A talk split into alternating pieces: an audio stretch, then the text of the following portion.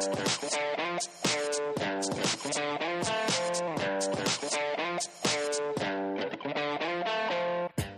och välkommen till det artonde avsnittet av Tro och förnuft-podden som produceras av tidningen Dagen i samarbete med Teologiska fakulteten vid Uppsala universitet och Newman-institutet. Jag heter Kristoffer Skogholt och med mig har jag Erik Åkerlund. Idag kommer vi att samtala om klimatkrisen ur ett teologiskt perspektiv.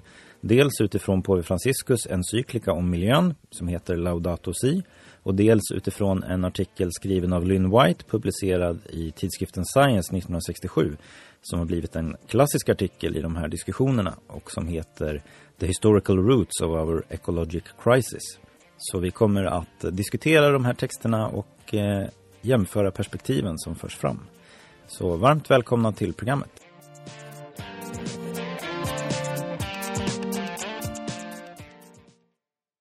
Om vi närmar oss naturen och miljön utan vördnad och förundran, om vi inte längre talar broderskapets och skönhetens språk i vår relation till världen, då blir vår attityd herrarnas, konsumenternas, samvetslösa exploatörers, oförmögna att sätta gränser för sina omedelbara behov. Om vi däremot känner oss intimt förenade med allt som existerar kommer besinning och omsorg att strömma fram spontant. Så skriver påve Franciscus i inledningen till sin encyklika om klimathot och ojämlikhet som kom ut 2015 och som är huvudläsningen för dagens eh, avsnitt. Just det, den kallas också Laudato Si kan man säga. Mm.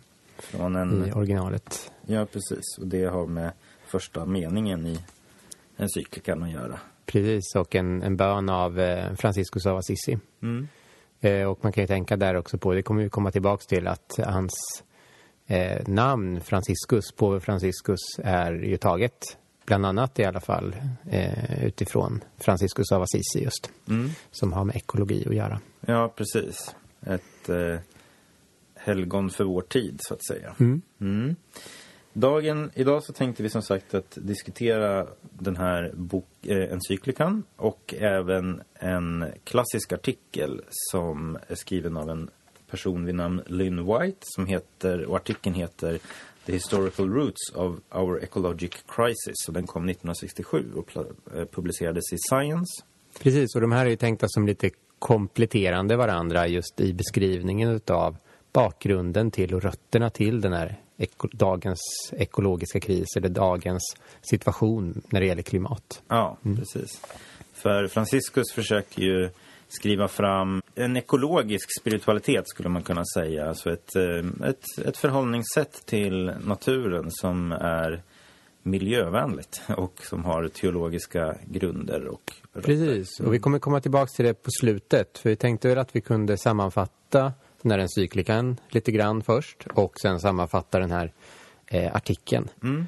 Eh, börja med det och sen i mitten prata lite om just diskutera det här, just den mm. frågan om, om debatten rörande rötterna för den här ekologiska mm. krisen. Mm. Och man kan sammanfatta det med antingen att tänka att det är kristendomen som är problemet eller att det snarare då är teknologi eh, och eh, mm. som, som Franciscus framställer det som mm. i en viss eh, mening. Och sen på slutet kommer vi till det här med vad en ekologisk spiritualitet innebär som, ja. som eh, Franciscus pratar om. Precis. Man kan väl säga att Lynn Whites tanke är väl någonstans att den här att människan är, liksom, i någon bemärkelse står över naturen. Att det är det som är mm. problemet, den, den tanken som finns i kristen tro så att säga. Att mm. människan transcenderar naturen, att det är det som är eh, roten då till eh, den ekologiska krisen. Eh, eller en slags sekularisering av den tanken egentligen. Mm. Som innebär att människans frihet inte har några begränsningar i en natur som är värdefull och som vi behöver respektera och sådana saker. Just det. Men nu är vi nästan ja. inne på, eh, på att diskutera det där. Ja. Men ja. om vi börjar med en Exakt. Vi börjar med encyklikan. Sammanfattning av encyklikan så tycker jag på ett sätt att det är lite svårt. På ett sätt är det lätt eh, eftersom den är uppdelad i sex tydliga kapitel. Men egentligen så är det en lång meditation nästan kan man säga. Och jag tycker det, det sammanfattade bra det där citatet eftersom dels pratar om skönhet och det som broderskap. Mm. Mm. Och en viktig viktig eller ett viktigt tema i boken är väl hur det här, de här två hänger ihop. Om, om vi får prata om skönhet när det gäller skapelse mm. så gäller broderskap då eh, relation till eh, människan och mänskligheten i, mm. i stort. Mm. Och han, han eh, menar ju att de där två hänger intimt samman. Ja. Att, eh, att relationen till skapelsen respektive relationen till mm. andra människor mm. eh, hänger ihop. Och han tar upp eh, ett uttryck från den förre påven, eller påven emeritus Benedictus den 16 som pratade om humanekologi. Att tänka just på människan som en del av mm. skapelsen mm. och att det finns eh, någonting givet med henne också. Mm. mm. Ja, för mig var det en av de sakerna som gjorde st störst intryck i boken. Det är egentligen alltså det är begreppet ekologi som blir så att säga blir mångdimensionellt i hans framställning. Mm. Därför att ofta tänker vi på ekologi som eh, att gör vi någon förändring i, i världen så påverkar det ekosystemet eller naturen och sådär. Men, men för Franciscus är det här med ekologi handlar egentligen om sammanhang i Alltså den här ekologiska krisen, miljökrisen, den är ett, det är ett ekologiskt problem. Men mm. det ekologiska, det vill säga sammanhanget, är på flera nivåer. Och, mm. och där, så att en del av den ekologiska krisen är eh, att eh, människan, så att säga, eh, dels abstraherar sig från naturen. Vi får mm. liksom inte någon förståelse egentligen för att vi tillhör ett biologiskt sammanhang. Mm. Och, och, det är ju ganska abstrakt för oss på många sätt, alltså om vi lever i en storstad. Mm. Eh, jag brukar ibland tänka när man är fjällvandrare, vilket jag har gjort lite grann, då är man liksom väldigt sparsam och ekonomisk och liksom, mm. det är väldigt tydligt att häller jag ut det här nu så kommer jag inte kunna liksom hämta, få något mer av det. det här är liksom, så man får ett helt annat tänkande på något sätt. Mm. Men sen är det ju också, det ekologiska tänkandet handlar ju för honom också om liksom ett slags social ekologi. Mm. Det vill säga relationen till de fattiga och eh, begränsade ekonomiska resurser. Men det är också en slags andlig ekologi då, där, där och då, det är intressant för modernitet och individualism hör ju ihop på olika sätt. Mm. Och jag funderar på om man kan liksom anlägga det perspektivet att det det handlar om är att eh, successivt brytas upp från meningssammanhang. Mm. Så i den meningen kan man säga att Eh, den här uh, krisen blir liksom att det som finns är en individuell vilja och sen finns neutral, neutralt material mm. som kan användas för allt möjligt. Så. Och då, mm. för han, han, han talar ju om ol, olika nivåer där som, som behöver liksom en ekologisk omvändelse. Men vi kan komma, komma tillbaka till det. Mm. Uh, det. Det jag slås av också när jag läser det är ju hur det han skriver skär rakt igenom vad man skulle tänka traditionella politiska uppdelningar. Man kan läsa två sidor och tänka eh, oj, det här var väldigt vänster, radikalt, radikalt ja, vänster, ja. progressiv. Precis. Och sen kommer man till nästa sida, oj, det här var superkonservativt. Liksom. Ja, när han pratar om fattiga och sånt där, då är det någonting man kopplar då till någon form av vänster. Mm. Och när han pratar eh, även mot... Miljö. Mm. Ja, och även miljö. Mm. Visst. Och eh, när han pratar om eh, mot abort eller, eller eh, människans biologiska sidor så låter det då eh, stockkonservativt. Eh, och så, så framstår det väl ännu mer i USA där man ju förstår att han är en, på ett sätt en kontroversiell person i vissa läger. Mm. Eh, men där kanske man bara läser selektivt. Men det är någonting frigörande också att just att skriva utifrån ett helt annat perspektiv. Mm. Och det kan man ju säga också bara för att vara klar över genren. Den här är inte tänkt att liksom ersätta politik eller någonting sånt där. Utan det är ju just tänkt att ge lite ramverk, ge lite större perspektiv. Och politik handlar ju mycket sen om att väga de här sakerna mot varandra. För allting kan inte, kan inte så att säga implementeras i den verkliga världen. Det är det det, det handlar om. Mm. Nej, men det, det är ju helt sant att han, han följer ju inte en partibok på det sättet. Och det, samtidigt så kan man väl säga att visst, han ersätter inte politik men, men det är en ganska tydlig inspiration för en viss typ av politik. Mm. Eh, han rör sig ju så att säga på mer på ideologinivå än förslagsnivå. Men det finns en del rätt så konkreta eh, synpunkter i boken också. Mm. Och det måste ju bli lite konkret i alla fall. Um, men, eh, men för att återvända lite grann till det här temat med ekologisk omvändelse. Så en sak som jag slogs av först, det var ju att han börjar med eh, citera Franciscus har ju en känd psalm. Han liksom tack gode Gud för allt som finns. Först broder sol av alla ting och sen är det syster vatten och många, många sådana eh, begrepp. Så mm. så att, och då, och då liksom, det som jag tyckte var intressant var att det här är ett annat perspektiv på klimatkrisen för då är det liksom inte den här skrämmande naturen utan det är något vi hör ihop med och som är, som han säger, då bedrövat. Och liksom, så att det, på ett sätt så blir det mindre skrämmande när man förstår att det här är någonting vi behöver ta hand om. Mm. och som vi hör ihop med. Mm. Så det blir inte den här, äh, inte lika stark på något sätt dualitet mellan oss och naturen. Eh, och så finns det ju som en grundton i, i encyklikan av att världen är första hand en gåva, inte i första hand ett problem. Mm. Och det tror jag ger en annan eh, det ger sig en annan grundhållning när man mm. närmar sig eh, klimatkrisen. Och jag mm. tror att det kan göra det mer eh, inspirerande att, att ta sig an de frågorna. Det blir inte bara eh, liksom naturens kaos så, utan det blir... Så det var... Så det är en form av liksom ekologisk omvändelse, att få ett annat synsätt på naturen. Mm. Men sen så pratar han ju om det egentligen, tänker jag, då, på flera olika nivåer.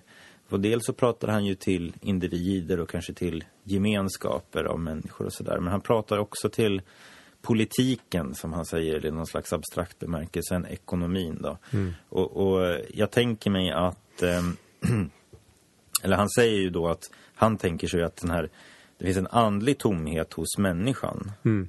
som både förutsätts av eh, alltså som både är en slags förutsättning för eh, den starka konsumtionsdriften, eh, eller vad man ska säga. Det, det finns en, tom, en andlig tomhet som kanaliseras genom en överdriven konsumtion. Mm. Eh, och då kommer man över till ekonomins område som, som så att säga då abstraherar sig själv från... Målet är vinst, men man abstraherar sig från konsekvenser av sitt beteende precis som individen abstraherar sig från konsekvenser från sitt beteende i att slänga mycket eh, saker som blir över eller mat och så vidare. Men, men även eh, företag gör så. Man pratar ju om exter externaliteter inom nationalekonomi och sådär. Och då kan det ju vara att naturen till exempel drabbas av det man gör. Men det är liksom ingenting som ingår i. Mm.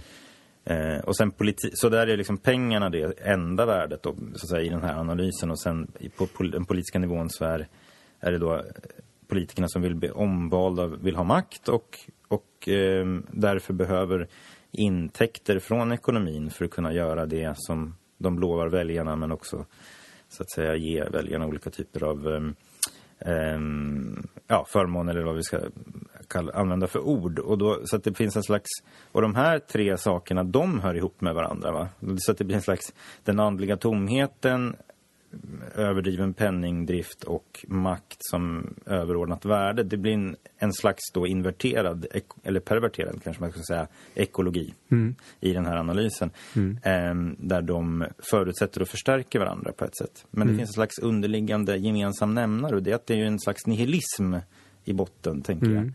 För makt, pengar, Um, ja, man skulle kunna kalla det för värden, men det är någon slags ersättning för värden. Mm. På ett sätt. Så där, där är ju liksom den här lite mera negativa, eller vad ska man säga, det är en, en slags negativ beskrivning av problemets på något sätt andliga sida, tänker mm. jag. Um, precis, så det var ju en, det är en, och där finns det liksom en ekologisk omvändelse, det handlar om att eh, öppna sig för större värden, så att mm. säga. Än, mm. Jag tycker just eh, sättet han skriver på, det är många som har påpekat det, att han han kommer inte med så mycket nytt på ett sätt. Och han citerar ju ymnigt från, från tidigare encyklikor och teologer och, och, annat. Men just hans tilltal, eller sättet som han skriver på. Jag tycker mm. att eh, det nästan känns som en, en biktspegel. om att det är en sorts tilltal, väldigt personligt tilltal. Och man får liksom tänka efter själv vad man, vad man träffas av. Mm.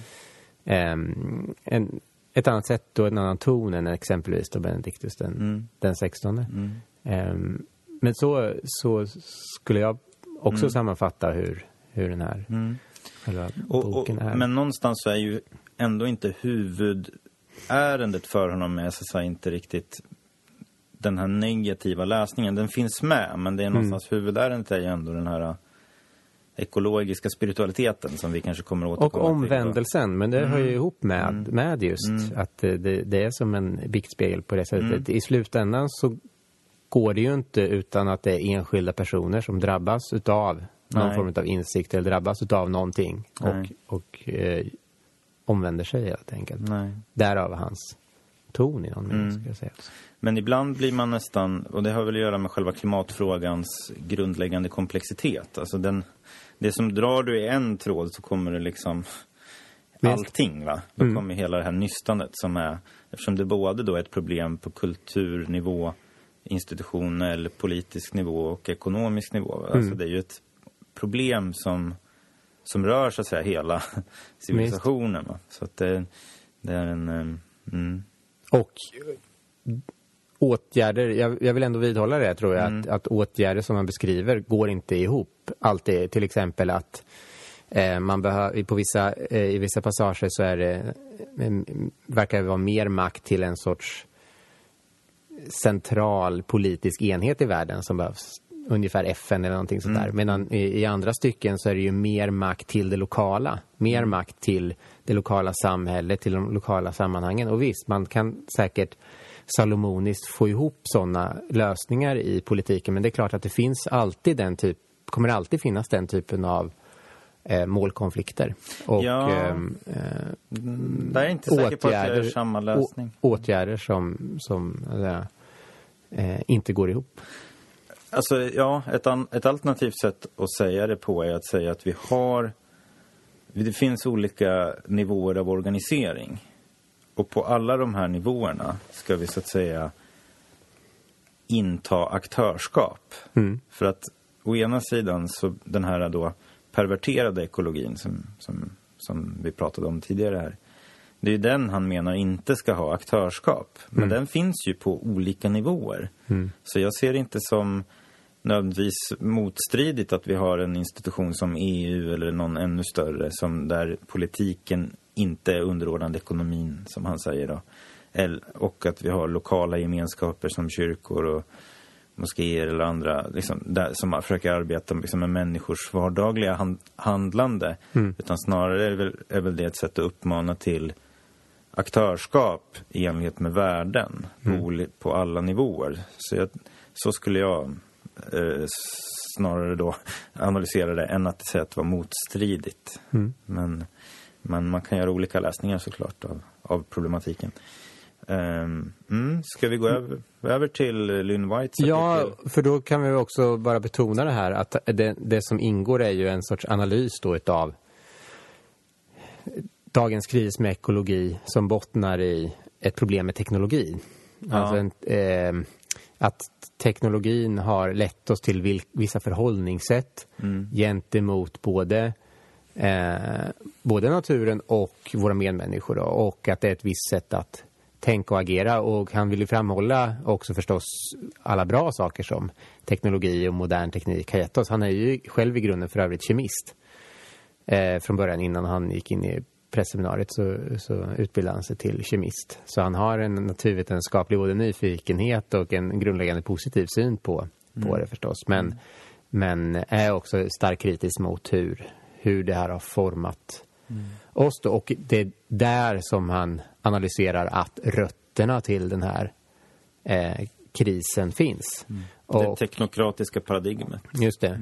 Och där eh, motsägs han ju då ja, eh, av Lynn White, även om Lynn White skrev, skrev fem, det här 50 år tidigare. Men eh, Lynn White har ju en annan analys och det är ju just att det är kristendomen och specifikt kristendomen i dess västliga form som, som är problemet då. Och den, eh, det förhållningssätt som det har eh, lett människorna här fram till. Ja, precis. Och den här artikeln har ju blivit eh, en klassiker. Mm. Den har liksom format väldigt mycket av, av någon slags eh, common sense-förståelse i vissa kretsar eh, för relationen mellan kristen tro och ekologi och sådär. Eh, men han, han hävdar ju då att det, det egentligen är ju intressant för att han menar att det var inte riktigt så från början utan det är ju någonstans runt tusentalet som han strax före i och för sig då vissa teknologiska förändringar men de se, såg inte jag att han gjorde, ansåg hade direkt teologiska orsaker så att säga att man började plöja på ett annat sätt eh, på 700-talet. Liksom. Det verkar som att han menar att det finns två traditioner. Eh, mm. dels någon form av väldigt praktisk tradition i hur man rent praktiskt förhåller sig till exempelvis jordbruk och eh, hur man eh, utnyttjar naturen tidigt till vattenkraft och vindkraft. Att det pekar på ett visst mer praktiskt förhållningssätt. Och sen dels det vetenskapliga förhållningssättet och den vetenskapliga traditionen. Då. Eh, att betrakta eh, naturen och att förstå den genom att så att säga eh, efterhärma hur den, eh, hur den gör. Man kan tänka på hur mekaniken växer fram. Hur mekanik från början var då en eh, konst men hur man använde mekanik och mekaniska förklaringsmodeller för att förklara naturen. Eh, och det är ju som att eh, man, man då tänker sig att den fungerar ungefär som, som, eh, som vi kan, kan tänka oss den. Vi har så att säga genomskådat det här. Och sen kommer den här den praktiska och den mer teoretiska traditionerna kommer samman enligt hans berättelse på 1800-talet och leder till den här explosionsartade utvecklingen i, i naturvetenskap och teknik och mm. det som har lett också till miljöförstörelse mm. och mm. atombomber och, och annat. Precis. Så kan man väl sammanfatta mm. kanske. Ja, precis. Alltså det, någonting man kan lägga märke till också det är ju att han har en väldigt positiv syn så att säga på kristendomens betydelse för vetenskapens mm. framväxt. Det, det så att säga, bryter ju av en del mot lite mer common sense-artade framställningar mm. som, som finns. Men det är samtidigt då ett problem. Mm. Men, men det blir ju... Och, och, och den grundläggande tanken som han menar är liksom roten här till problemet är ju människan som eh, transcenderandes naturen. Mm. Som, som, eh, och att naturen också det tyckte jag var lite märkligt. Men det är ju sant att i den uh, judiska skapelse, judisk-kristna skapelseberättelsen så finns det en avmytologisering av naturen. Alltså mm. naturen är inte, det är inte gudaväsen. Nej. Det finns bara en gud. Och det hänvisar ju Franciscus också till i sin ja. skrivelse, mm. avmytologiseringen. Precis, av precis. Mm. men han skriver ju då, Lynn White, att för en kristen så kan liksom inte nat ett naturligt faktum kan liksom inte vara någonting mer än ett fysikaliskt faktum. Det, är liksom, det har ingen mer signifikans än så. Och det bryter av väldigt starkt mot eh, Paul Franciscus eh, spiritualitet, ekologiska mm. spiritualitet som Visst. har rötter i den kristna traditionen. Mm. Men, men det jag tycker är lite så att säga orättvist i Whites artikel det är att det där kopplar jag snarare ihop med en modern fysikalism. Alltså en, det är ju den moderna sekulära reduktiva fysikalismen. Mm. Där, det, där, där naturen är så att säga helt meningslös. Och mening och värde är något som vi projicerar på. Mm. Men om man ska gå över till vår andra huvuddel då, att så att säga ja. diskutera den här ja. eh, framställningen av rötterna. Ja. Så kan man väl tänka sig, alltså, man kan i grunden tänka sig att det är antingen då kristendom eller teknologin. Men det döljer ju två andra alternativ, nämligen att det är både och, både kristendom och teknologi. Eller att det är ingendera i någon mening. Eh, och det här med både och, eh, det kan man ju tänka sig till exempel utifrån Charles Taylor som vi har läst tidigare. Alltså den kristna bakgrunden. I Secular Age tänker jag på. Secular Age, mm. precis. Den kristna bakgrunden eller utvecklingen inom det kristna tänkandet och kristen spiritualitet för den eh, moderna, vad han kallar för exklusiva humanismen och även eh, teknologi. Och där tänker jag att man kan inta den hållningen också då, att det, det eh, Bon Franciscus skriver om med det här med teknologi och sånt kommer utav en, en, en eh, kristen bakgrund. Alltså, För om man, om man hävdar att eh, vetenskapen, den moderna vetenskapen, har den kristna världsbilden som en förutsättning, då kan man ju inte både ha kakan och äta upp den, tänker jag. Utan då måste man ju också någonstans, om man, om man säger att modern naturvetenskap eller modern teknik eh, någonstans i alla fall är medskyldig till den ekologiska krisen eller problemen med miljöförstöring och så vidare. Då måste man ju också acceptera att det finns någonting eh, någonstans så finns den, den eh, kristna tro och kristendomen också som, som medskyldig. Ja, jag, jag förstår, precis. Men det beror förstås lite på vad i den kristna tron man menar sti har stimulerat ett Absolut. naturvetenskapligt förhållningssätt. Och där är det väl naturens ordning i rätt så stor utsträckning och att människan är kapabel att eh, förstå den. Så att det är mm. människans rationalitet och naturens rationalitet. Men det man eh, tappar lite där är ju frågan om, om eh, skapelsens värde och, och sådär. Och, naturvetenskap går ju inte riktigt att bedriva utan, eh, utan eh, så att säga en tro på att rationaliteten som vi besitter är användbar för mm. att undersöka naturen. Eh, sen så brukar man också säga att liksom när, när naturvetenskapen växte fram så var även tanken på att skapelsen är så att säga, Guds goda gåva. Den var liksom relevant för det blev ett sätt att liksom utforska den här gåvan som, mm. som vi har fått. Varför ska vi ägna oss åt det här så att säga? Kunde man kanske fråga sig. Det verkade inte omedelbart nyttigt liksom. Mm. Men, men eh, alltså det intressanta som jag ser det här är vad händer när vissa idéer sekulariseras? Och det, det är en del av det är ju kan man säga Charles Taylor inne på i sin uh, Secular Age. Alltså att du har en teologisk idé som transformeras. Mm. Men det kan ju fortfarande ske så att säga i en kristen kontext. Men, även, även, men om vi då tar ett steg vidare så... Alltså, det här att människan är transcenderar naturen, det är ju då i en bemärkelse ett empiriskt faktum. Vi kan, eh, vi kan manipulera naturen, vi kan förutsäga skeenden och vi kan eh, göra allt det vi har gjort. Det är liksom inte en en fråga som vi behöver diskutera så att säga. Utan det som, men däremot så blir ju frågan, vad händer om det inte finns några gränser eller, eller något värde som jag behöver respektera? Mm. Och då kan man återkomma lite grann till det här påvens prat om, om, om, om naturen som vår syster och så här. Va? Så mm. det finns ett slags subjekt som vi behöver lyssna till. Mm. Världen är inte bara ett objekt som vi analyserar. Det, vi är inte de enda subjekten och det är en väldigt modern sekulär uppfattning. Mm. Det, är en, det är som en... Det är att världen är... Den, den, det är ju det innebörden i att världen är absurd är ju att den inte talar. Mm. Det finns ingenting som kan eh, kalla oss eller liksom sådär. Så, så att jag, jag blir väl lite... Av det skälet så kan jag tycka att det är lite, lite märkligt att, så att säga, ta en del av en teologisk föreställning. Nämligen att människan transcenderar naturen och sen säga att det här är vad teologerna har sagt. Mm. Eh, utan, då har man så att säga, det är lite oekologiskt förhållningssätt till en teologisk tanke. Mm. Man ser den inte i dess fulla sammanhang helt enkelt. Det är också väldigt intressant att eh, eh, Lynn White eh, pratar explicit i slutet om just Franciscus, Franciscus av Assisi. Eh, men gör en väldigt annorlunda värdering av hans plats i, i kyrkohistorien eh, och i, i, den kristna tron då än vad man kan säga att påven Franciscus gör.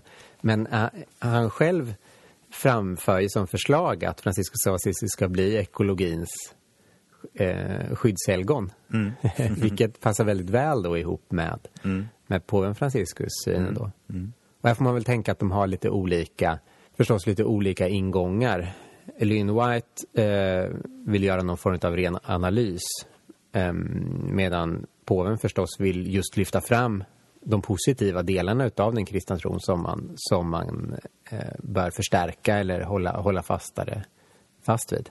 Nu tycker jag inte att Lynn Whites artikel i slutändan är alls övertygande eftersom han, eh, eh, han gör väldigt många förenklade uppdelningar eh, och, och eh, ja, det finns många problem med det. Men man får tänka på att de har lite olika eh, olika ansatser. Men det är intressant ändå hur, hur just Franciscus av Assisi eh, blir centrala hos båda två. Ja, jo precis.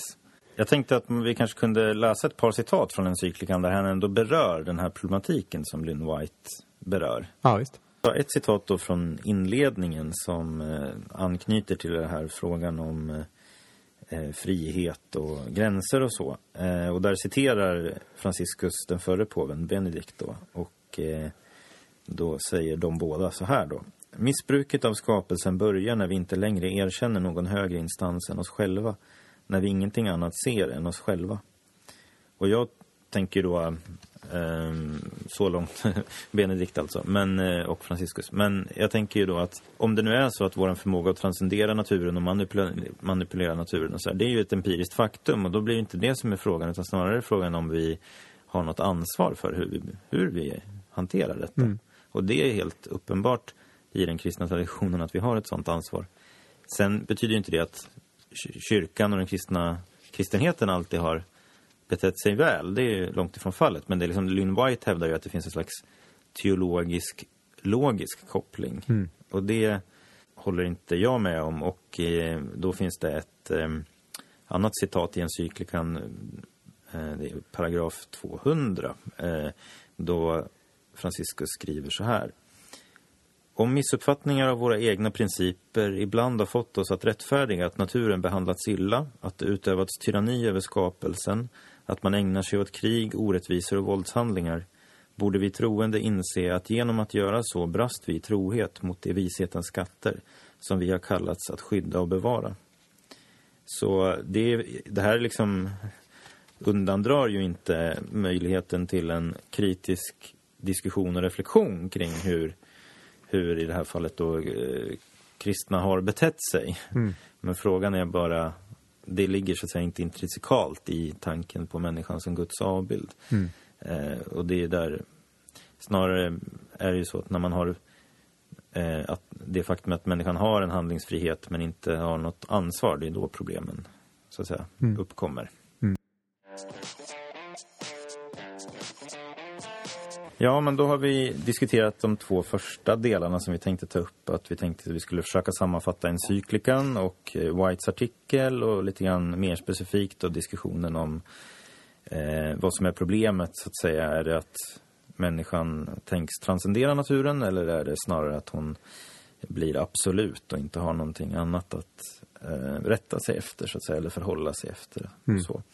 Eh, men då går vi in på den tredje punkten som är frågan om hur vi kan odla eller öva upp en ekologisk spiritualitet som ju är egentligen ett ja, väldigt centralt tema i encyklikan. Mm. Eh, vad, vad har du för liksom, initiala tankar kring, kring det? Även där tycker jag att han, det, det är på ett sätt ganska traditionell eh, syn eller tolkning men, men sagt på ett eh, lite annat sätt eller sagt på ett speciellt sätt. Eh, det har ju att göra med relationer i grunden. Så det är egentligen en kristen personalism. Att eh, vår relation till naturen eller till skapelsen som man föredrar att kalla den för, för eftersom det poängterar gåvokaraktären utav det. Eh, relationen till, till skapelsen i stort kan inte lösgöras från relationen till människor och inte till det största duet, nämligen Gud. Så alla de här att ha rätt relationer till de tre hänger ihop. Mm. Precis som i, i Jesu undervisning så hänger ju eh, relationen till Gud nära samman med relationen till eh, medmänniskan. Med om man eh, ska gå till templet eh, men är ovän med någon så ska man först gå och mm. Ja, mm. Göra rätt den relationen mm. innan man går mm. till templet och sådär. Så de, de hänger intimt samman. Mm. Eh, och det det också för, för Franciscus. Mm. Alltså, och nu är vi en mening då lite ovän med naturen så att säga, eller skapelsen. Då. Precis. Men, jo precis. Men, ja, jag tänker eh, två saker åtminstone. Det ena jag tänker är att jag vet inte om vi kan odla upp den här eh, spiritualiteten. Jag tänker att spiritualitet som begrepp kan ju stå, det, det behöver inte vara ett rent religiöst begrepp egentligen. Och jag tror att det kan vara bra att liksom tänka på vad det står för. Jag tror att det står, det står någonstans för ett sätt att, att vara människa i, världen. Ett sätt att relatera till eh, tillvaron. Eh, på en slags helhetsnivå men också på en väldigt praktisk nivå, min vardag, vilka praktiker jag har. Liksom. Så jag tror man kan prata om en spiritualitet i överförd bemärkelse eller kanske i mm, samma bemärkelse, liksom, oavsett om man är kristen eller vad man har för livsåskådning och sådär. Men och då funderar jag lite grann på, är det möjligt att få en sån ekologisk spiritualitet om man... Det verkar i alla fall lättare att få det om man lever i lite närmare kontakt med naturen än vad jag, vad jag gör och de flesta liksom, storstadsmänniskor gör. Eh, och en väldigt, väldigt liksom, eh, litet exempel på det här är att i vissa perioder lagar jag mer mat och i andra perioder lagar jag mindre mat. Men bara det är en slags mer eller mindre abstrakt på något sätt förhållningssätt till, till det rent konkreta biologiska eller vad man ska säga. Ehm, och, ehm, men, men så det är väl en sak jag funderar på. Är det liksom möjligt att ta sig ur det här förhållningssättet ehm, men ändå leva precis som, som i, en, i en storstad och liksom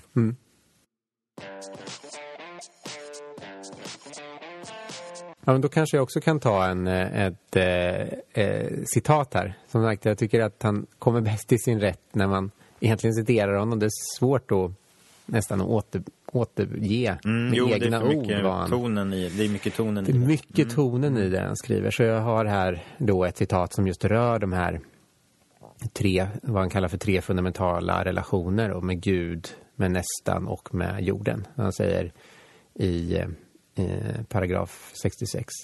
Skapelsetexterna i första Moseboken ger med symboliskt och berättande språk grundläggande undervisning om mänsklig existens och dess historiska realitet. De menar att mänskligt liv har sitt fäste i tre fundamentala och sammanflätade relationer. Med Gud, med vår nästa och med jorden själv. Enligt Bibeln har dessa tre vitala relationer brutits, både utåt och inom oss. Denna brytning är synd. Harmonin mellan skaparen, mänskligheten och skapelsen som sådan har brustit genom vår förmätenhet att ta Guds plats och vägra erkänna våra mänskliga begränsningar. Slutcitat. Så det är väldigt traditionell undervisning i någon mening, men med ett, ett, ett speciellt tilltal, ett väldigt direkt eh, tilltal. Så han sätter ju ihop dem. Och om vissa skulle vara eh, eh, oroliga över det här talet om en ekologisk spiritualitet som att man gör då skapelsen eller jorden till en, eh, någon form av gudomligt väsen så är det ju ingenting sånt som man, som man avser utan han betonar skillnaden förstås Men ju- mellan ja. men det är självklart. Men det är ju skillnad, det är men- skillnaden mellan en slags panteistisk förståelse och en sakramental förståelse. Ja, visst. Eh, Så. Precis. Och att det sakramentala är ju att naturen är förmedlare och bärare av Guds närvaro, Ja. men är inte Gud. Precis som andra människor. Ja, ja men visst. Eh, exakt. Ja, och, och precis, men det, och det är ju inte... Visst, det finns ju en bry, brytning kan man säga som, som, som eh, orsakas av synden. Men det finns ju någonting också som orsakas av det rent konkreta, att jag inte har kontakt med naturen i så stor utsträckning. Och det liksom kännetecknar ju moderniteten generellt, eller hur? Och eh, det, det är det jag menar att om en ekologisk spiritualitet handlar om att på något sätt både ta emot det naturliga och naturen som gåvor, men också att på något sätt respektera dess Alltså att hushålla på något sätt. Men, men om, om mjölken i kylen alltid bara är paket som jag kan gå... Det finns hur många fler paket som helst va, i, på, på Ica eller liksom på affären.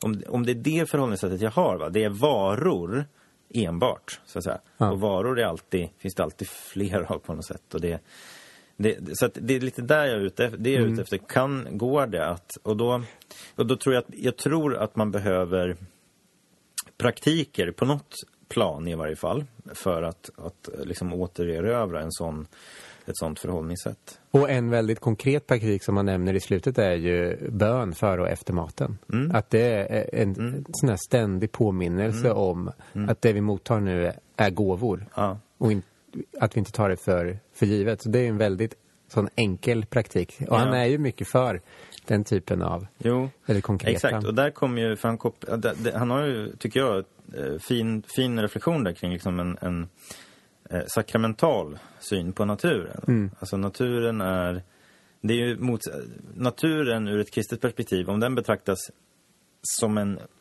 själv innesluten enhet så är det en slags oekologisk syn mm. på naturen. För Visst. naturens kontext är ja. så som gåva från Gud. Va? Så därför blir det liksom den här uh, yttersta ekologin är när den ses i relation till Gud mm. och som en gåva från Gud. Och det kan verkligen fördjupa en relation till naturen och till mm. det sköna i naturen. Mm. När det ses som, ut, som, gåv, som i relation till skaparen, så att mm. säga. Um, och han har ju lite så reflektioner, han, han citerar ju någon sufi-poet mm. eh, eller teolog, alltså en, från en muslimsk tradition. Som, så han, han har ju dels eh, i slutet också bön, böner som han har skrivit och den första är för alla som tror på Gud så att säga. Och sen är det ett par till som är för kristna specifikt och så mm. Men han, han på ett fint sätt tycker jag liksom säger att alla troende har det här gemensamt, att mm. naturen är en gåva så att säga och liksom försöker artikulera lite grann en sån spiritualitet eh, Visst. kan man säga. Mm. Um, Ja, men då kommer jag såklart att tänka på ytterligare ett citat. Ja, ja men du, du ska vara, alltid vara värst här. Så du får, du får ja, det sista, sista citatet här. Okej. Okay. Ja. Mm. Det här är då punkt 222. Eh, rubriken är Glädje och fred. Men så här skriver Paul Franciscus. Kristen andlighet erbjuder en alternativ förståelse av begreppet livskvalitet och uppmuntrar en profetisk och kontemplativ livsstil med djup glädje och frihet från konsumtionsbesatthet. Vi måste återfinna en lärdom från olika religiösa traditioner, också den bibliska. Det är övertygelsen om att less is more, ju mindre desto bättre. En oupphörlig flod av varor kan förbrylla våra hjärtan och hindra oss från att uppskatta varje ting och varje stund. Genom att vara ogrumlat närvarande i varje situation, hur obetydlig den än kan te sig, öppnar vi oss för mycket vidare horisonter när det gäller förståelse och personligt förverkligande. Kristen andlighet erbjuder en utveckling som kännetecknas av måtta och förmågan att lyckligen nöja sig med lite. Det är en återgång till den enkelhet som gör det möjligt för oss att hejda oss och uppskatta de små tingen. Att vara tacksamma för de möjligheter livet erbjuder oss. Att stå andligen fria från det vi äger och att inte duka under av sorg inför det vi saknar. Det faller sig då naturligt att undvika maktens dynamik och, att, och ett ömkligt hopande av njutningar. En sådan besinning, när den är frivillig och medveten, är befriande. Den innebär inte ett mindre liv eller ett liv med mindre intensitet. Tvärtom är den ett sätt att leva fullt ut. Um, och ja, Det är ju en slags praktik, tänker jag. Det är en bra sammanfattning och jag tycker det är väldigt eh, bra citat. Det är väldigt representativt för hur han skriver. Och ja. Eh, man hör där verkligen hans, hans röst. Mm och hur det talar till en själv. Mm, mm. Mm. Precis. Uh, nej men uh, jag, jag, tror att jag kommer att återvända till den här um, boken. Um, ibland läser man mycket text på kort tid och behöver egentligen... Det är en, en, bok som man, tycker jag i alla fall, kan, kan meditera en del över. Mm. Och en tematik som vi inte riktigt har berört men som vi lite kort kanske kan beröra det är ju att det här att vi, vi är ju själva så att säga en del av skapelsen. Mm. Och det han, han pratar ju om här var skillnaden mellan att bruka och odla skapelsen mm. och att liksom försöka tränga ut så mycket som möjligt ur den. Mm. Och jag tror att man kan ha ett liknande förhållningssätt på ett sätt till sig själv. Att mm. man försöker vara så effektiv som möjligt till exempel. Va? Man pressar in sin dag och, och lite så det, det, är också en så intressant sak att okej okay, men du själv, jag själv är också så att säga en gåva som jag Visst. har att förvalta och odla men inte liksom exploatera. Mm. Och där kommer väl, när han uppmanar till en omvändelse, vi är ju den gåva som vi har störst ansvar över, är oss själva. Och det är någonstans där all förändring, även mm. i yttre relationer, måste, måste mm. börja. Mm.